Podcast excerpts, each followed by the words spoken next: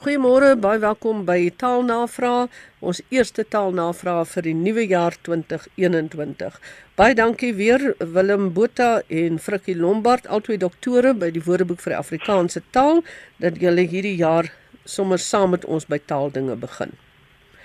Frikkie, ons begin by jou. Het Opperman wil hê ons moet oor die woord spandabel praat. Volgens die etimologie woordeboek van Afrikaans kry ons spandabel en dan ook spandabel rig wat maar dieselfde beteken. Kom dit uit Duits uit spendabel en dit het dan oorspronklik beteken vrygewig. Maar die betekenis het natuurlik later sodanig geraak dat uh, dit vrygewig is op 'n onverantwoordelike manier as dit ware. Want dit beteken eintlik wat geld verkwis of oordadig spandeer dit kan ook beteken dis nog 'n betekenisonderskeiding wat ontwikkel het dat jy bietjie te kostig te werk gaan met iets of oordadig te werk gaan. Jy kan byvoorbeeld 'n spandabelige dekor hê of versiering wat net te erg is. Ons woorde wat ons ken so spandeer hang natuurlik 'n bietjie hiermee saam. Nederlands ken inderdaad ook spandering en spendering, dis albei dieselfde ding wat kom uit uh, uit Duits uit weer en teruggaan na Latyn toe spendere uh, wat ook weer teruggaan na expendere wat beteken uitgee. Maar as jy spandabelig is of spandabel is, dan gee jy op 'n onverantwoordelike manier of 'n oordadige manier uit. Willem, nou dat die moderne variëteit nie meer vol vesel is nie, is dit die tyd om die woord veselperske te vervang nie, en so vra Klaus. Klaus skryf in sy brief: "Ek het vandag 'n heerlike mango geniet." Nou wil ek net weet wat is fout daarmee. Klaus, daar's niks fout met mango nie. Trouwens, as jy die Woordeboek van die Afrikaanse taal oopslaan by mango, sal jy sien dat daar 'n definisie is, naamlik 'n geelerige tot rooi, langwerpige of peervormige tropiese vrug met 'n stewige skil, harde pit en sagtige, geurende vleis wat in 'n mindere of 'n meerdere mate veselryk is en 'n aangename halfsuur smaak het. En dan staan daar sinoniem veselperske. Dit is 'n woordeboekwerk so dat daar waar die definisie kom, met ander woorde by mango, dit word beskou as die meer gebruikelike in hierdie geval dan nou die moderne variasie vir die woord en die sinoniem is veselperske. En as jy dan veselperske naslaan, dan verwys hy jou terug na mango toe. Maar nou baie interessant in die, in die voorbeeldsinne hierso by mango word verwys na die veselrige een, die veselose een en die draderige variëteite en um, ek het 'n bietjie daaroor gaan dink. Ehm um, dis daarom interessant hoe die vrugte geëvolueer het deur die moderne kweekprosesse. As ek nou terugdink aan my kinderdae, die papaja, dit was 'n verskriklike bitter ding en net die groot mense het papajas geëet en dan het hulle suurlemoen sap daaroor gedrup en allerlei uh, triks uitgehaal. Maar vandag is die papajas heerlik soet, nou nie stroop soet nie, maar heeltemal anders, dieselfde met die mango. Nou is ek terug by die veselrug en so draderig. En dit laat my dink aan 'n ander voedsel, naamlik pulled pork. Wat sê ons vir pulled pork? Nou jy sou kon sê draderige vark of flintervark of vryingvark of miskien die mooiste ene repiesvark. So dit is dan nou my bydrae vir veselperske en mango. Wat jy sê so van die variëteite wat nou verander oor die jare. Ek vind dieselfde met die groen boontjies. Nou kyk ek haat dit om groen boontjies te skil en te sny, maar ek is baie baie lief vir groen boontjie breedie. Te hard. Nou, ek dink dis nooit om hulle te hard as jy 'n bietjie hard kom. Ja. ja. Nou nou dis daar hoef jy nie meer die boontjies te hark nie. Jy kan sommer net begin kerf. So die boontjies het ook so 'n bietjie gevorder en en jy hoef nie meer te ja. hark nie. Mm. Maar onthou jy wat het hulle daai boontjie genoem? Daar was daar was altyd twee, later was daar 'n tweede variëteit wat jy nie hoef te gehark het nie. En dit is genoem die lui huisvrou boontjie in die moderne tyd van ehm um, wat noem mense dit gelykheid en gelyke regte sal jy natuurlik nie durf om te sê lui huisvrou boontjie nie maar lui mens boontjie. Nou maar goed Frikkie, wat is porseleinaarde? Wil Estel Slabbert weet. Ja, Estel, dit is 'n sinoniem eintlik vir kaolien. En kaolien kom oorspronklik uit Chinees uit, die woord. Kal beteken naamlik hoog en lim beteken heuwel. En dit is omdat hierdie stof oorspronklik van so 'n plek in China gekom het. En die een sinoniem daarvoor vir die woord is dan benewens porseleinaarde of porseleinklei of kleiaarde is dan ook China klei. Nou wat is kaolin presies? Dit is maar 'n fyn gewoonlik wit klei wat 'n verweringsproduk is van alumineuze minerale soos veldspaat. Dit bly wit as dit gebak word word veral in keramiek en in vier vaste stowwe gebruik en ook as 'n absorbens as 'n vulstof in papier, rubber en kleurstowwe en in die geneeskunde word dit gebruik in salwe en pille en soms ook as 'n absorbeermiddel dink ek is dit destyds gebruik by dermontstekings. Ek het nog nooit van die woord porseleinaarde gehoor nie. Goed Willem Jurgens Martens het 'n paar kwellinge oor die taalgebruik van sy taalgenote. Hy noem hier 'n voorbeeld: in lê vir laat slaap en twee in 'n ry wat hom dwars in die krop steek. Hy verwys ook na die gebruik van pynvol in plaas van pynlik. Ek hoor dikwels mense praat van ek gaan 'n bietjie in lê Saterdagoggend ek gebruik self nie eintlik die woord nie. Ek het nie 'n vreeslike affiniteit vir die woord nie, maar ek kan nie enigsins iets verkeerds daarin sien nie. Ek dink dit is heel suiwer. Nie dat ek lief is daarvoor nie, maar ek ek kan net niks fout vind daarmee nie. Ek praat maar van laat slaap of laat lê. Maar twee in 'n ry, dit is nou maar net 'n uh, vertaling van die Engels two in a row. En dis nou veral as dit kom nou by sport uh, iemand wat nou twee kampioenskappe na mekaar gewen het, dan sê hulle dit maak dit nou twee in 'n ry. Daar is niks fout met twee wedstryde gewen na mekaar of twee wedstryde gewen agtereenvolgend nie. So my voorstel is na mekaar of agtereenvolgend. En dan wat pynvol betref in plaas van pynlik.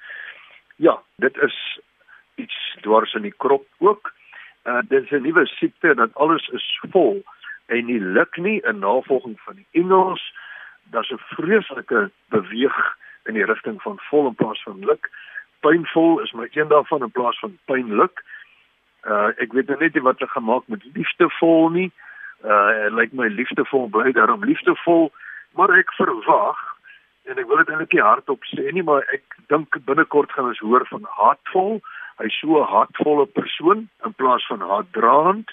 Nou, dit is maar die gevolg van die nabyheid van Engels. Engels, die gebruik van Engels is baie oorheersend.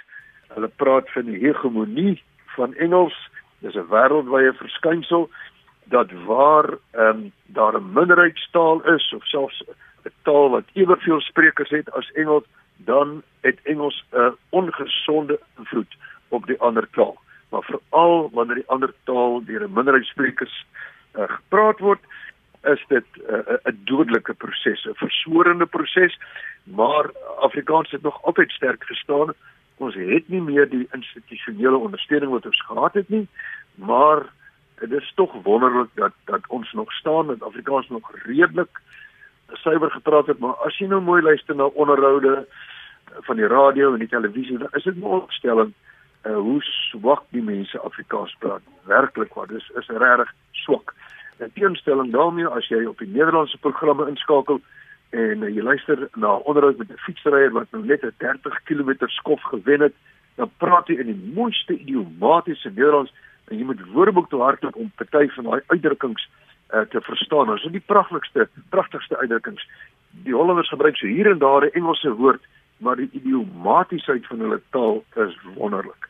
Nou, ons moet verstaan dat dat Afrikaans is is een van die vier hoofgermaanse tale, Nederlands, Afrikaans, Engels en Duits en ons is baie naby aan mekaar. En dan kom ook 'n verwarring as hierdie drie, vier tale en sustertale so in mekaar se teenwoordigheid is soos Afrikaans en Engels.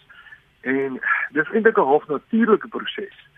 Vir die spaneel het gesê ons gaan eintlik teruggaan na ons oer formaat waar 'n amper 'n verskil is tussen Engels en Afrikaans. En soms lyk dit vir my hy's reg, hy was profeties. Uh ons beweeg al hoe nader aan Engels. Nou anderre van pynvol en pynlik, wat sal 'n man met gat vol maak? Kan dit ook dalk gatlik raak? Uh dit bly eenvoudig dit, want gatluk is iets anders. Well, okay, goed, as ek het, ek het ek het ander dag selfs gehoor uh van vrug vrugtevolle bespreking wat mense gehad het net direk na die Engels fruitful, jy weet die fruitful discussions. 'n vrugtevolle bespreking. Ek kon my ore amper nie glo nie, maar nou ja. Dit sou nou vrugbaar gewees het, hè? Ja, jy kan vrugbare bespreking. Die, dit was 'n vrugbare bespreking geweest, maar om die goeie so direk te gebruik, ja, dit steek mense soms was in die krop. Goed. Frikkie Jaco Burger het twee vrae. Die een gaan oor goedertierenheid en die een gaan oor kwak. Nou hy het dan so 'n paar goedjies genoem by goedertierenheid. Hy sê hy byvoorbeeld hy woord nog net in die Bybel gelees. Hy vra wat se oorsprong sal goedertierend die werkwoord wees en wat sal 'n sinoniem wees? Frikkie dis joune daai. Reg, nou Jaco uh vir goedertierenheid moet ons eers teruggaan na goedertieren toe wat uh, die Nederlands gekry het uit Middelnederduits goedertere. Ek weet nie of ek dit reg uitspreek nie, maar dit was oorspronklik 'n byvoeglike bepaling, naamlik goed wat jy dan gevoeg het aan tier of tiere. En daardie tier of tiere is 'n selfstandige naamwoord en dit beteken gewoon die aard of die soort. As jy dus iets gehad het wat goedertieren was of goedertier was, dan was dit van 'n goeie aard, van 'n goeie soort. Nou ons het ook goedertiere uh, in die WAT of goedertieren, albei dis 'n wisselvorm. Dit kan natuurlik nie 'n werkwoord wees nie, dis maar gewoon byvoeglike naamwoord. En dit is verhewe Bybeltaal, godsdiensttaal. En in daardie opsig is Jaco heeltemal uh, het hy heeltemal reg. Uh, dit is veral in in die Bybel waar jy dit gaan kry in godsdiensttaal. Nou goedertiere of goedertieren beteken gewoon barmhartig, genadig of lankmoedig.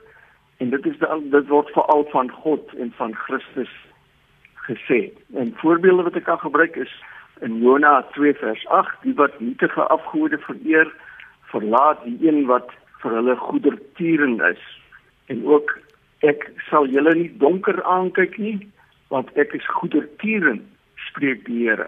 Dis in Jeremia 3 vers 12 nou verder is goedertiere of goedertierende betekenis uitbreiding ondergaan dit beteken ook telfste van gewone mense dat jy welwillend is of goedgunstig 'n goedertiere ouer of goedertieren ouer is iemand wat dan nie te kwaai oordeel oor sê maar die vergrype van sy kind nie. Ek het gesê goedertierenheid gaan terug op goedertiere of goedertieren.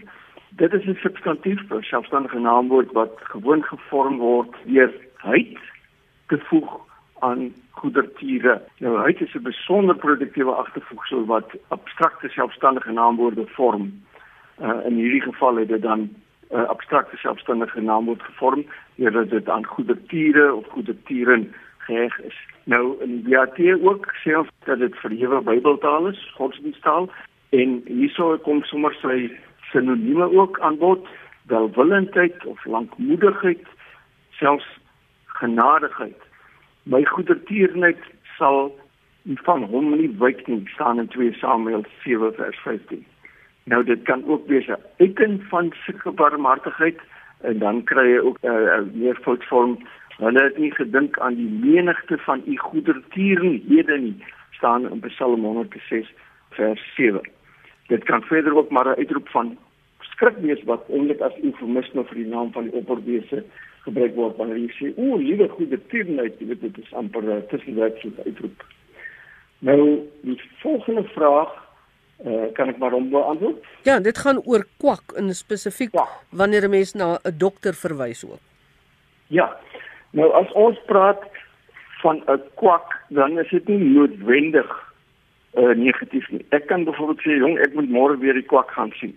En dan sit eintlik maar so 'n geselstaalvorm wat jy skertsend bedoel, dis seker nou nie al te vleiend nie, maar jy bedoel maar net jy gaan die dokter spreek. Maar dan weet jy ook die gebruik van kwak waar jy eintlik 'n kwak salwer bedoel. Nou wat is 'n kwak salwer? En dan daarvoor moet ons 'n hele paadjie loop ons moet gaan kyk wat is 'n kwak self. Nou 'n kwak is 'n hoopie van iets of 'n klein hoeveelheid van iets. So 'n kwak self is maar 'n hoeveelheid salf. Dit is die een verklaring van waar kwak vandaan kom. Nederlands ken kwak salf en dit is uh, waarskynlik 'n salf wat sommer so as 'n huismiddel gebruik word. En hulle het 'n werkwoord kwak salven en dit is waar jy dan nuttelose uh, geneesmiddels gebruik soos hierdie nuttelose huissalfies wat gebruik is in die huis of jy wil dit as geneesmiddel vir kwansel. Nou, wat het ons in Afrikaans? Ons het kwaksalwer, dan is dit 'n persoon wat eintlik kwaksalf of kwaksalwer word ook as 'n werkwoord gebruik, met ander woorde, dis 'n persoon wat ongekwalifiseerd is, meermale onbevoeg voorgee om siektes of 'n bepaalde siekte te kan diagnoseer en behandel en dan gewoonlik met sy eie middels, dit is nou die kwaksalwer behandel dan en hy verkoop ook hierdie middels graag. Dit is dan wat ons ken as kwaksalwer die selfstandige naamwoord, maar ons kan ook iets kwaksalwer as 'n werkwoord kan ons dit gebruik. En dit beteken dat jy kwaksalwe as 'n ware gebruik of dat jy optree as of soos 'n kwaksalwer. Met ander woorde, jy behandel iemand as 'n ware met die middels van 'n kwaksalwer. Soos jy gesê het om na 'n dokter te verwys as 'n kwak is eerder half tong in die kies dis maar by wyse van spreuke as wat 'n mens noodwendig uh, sê die persoon is dis 'n swak dokter. Ja, ja. ons het byvoorbeeld in as jy in die WT kyk by kwak is die een betekenis gewoon 'n geneeskundige 'n dokter. En soos ek sê, ek dink dis maar so 'n sketsende geselstaalrige manier van van praat van 'n dokter. Maar die ander betekenis is is meer is meer neerhalend want dan verwys jy na 'n kwaksalwer en dit is iemand wat hy weet nie eintlik wat hy doen nie. Hy begeef hom op 'n terrein waar waar hy nie eintlik hoort nie en dit is om middele te verkoop wat geen verskil gaan maak aan iemand nie. So hy flous eintlik mense. Goed, Willem, ons het nog tyd Pieter van der Merwe van Hartbeespoort het twee vrae. Die een gaan oor handelsmerk as brand in Engels. Mens sal byvoorbeeld die volgende kry: You brand your vehicle with your company's logo. Hoe sal ons in Afrikaans maak? Nou 'n brand is 'n handelsmerk en ek het self ook 'n probleem toe ons eendag motors gebrand het met RSG. Dit ons ook gesukkel om te sê hoe noem ons nou branded motors? Kan jy vir ons help? Ja, um, hy sê hy het in 'n advertensie gehoor waar 'n promosiemaatskappy adverteer dat jy jou voertuig of besigheid kan brandmerk bedoelende hulle bring jou handelsmerk daarop aan, jou logo. Nou vra hy wat is die korrekte vertaling vir branding jou vehicle? Nou hierdie brandmerk is histories geskien nie heeltemal verkeerd nie, want dit is uh, wat in die ou dae gedoen is. Jy het hulle begin met die beeste, jy brandmerk jou beeste met daai eyster met jou voorletters daarop, die eienaar van die beeste hy's gebrandmerk. En dit is die geskiedenis van branding ook maar. 'n Brand was uh in die ou dae was dit 'n uisterinstrument wat gebruik is om jou merk of jou naam te brand op 'n dier en later op produkte. Dit het toe nou uitgebrei en later uh hoef dit ook nie meer te gebrand geword het nie. Ehm uh, want nou wat maak ons nou vandag? Brandmerk is histories nie verkeerd nie. Maar my voorstel is dood eenvoudig merk. Ehm uh, jy merk jou voertuig met jou handelsmerk of jy merk hom met jou logo dan sit 'n gemerkte voertuig. Nou dit is dubbelsinnig omdat jy het ook 'n uh, gemerkte voertuie van die polisie ensovoorts, maar uh, dit is op die oomblik my voorstel. Dit is 'n baie interessante onderwerp.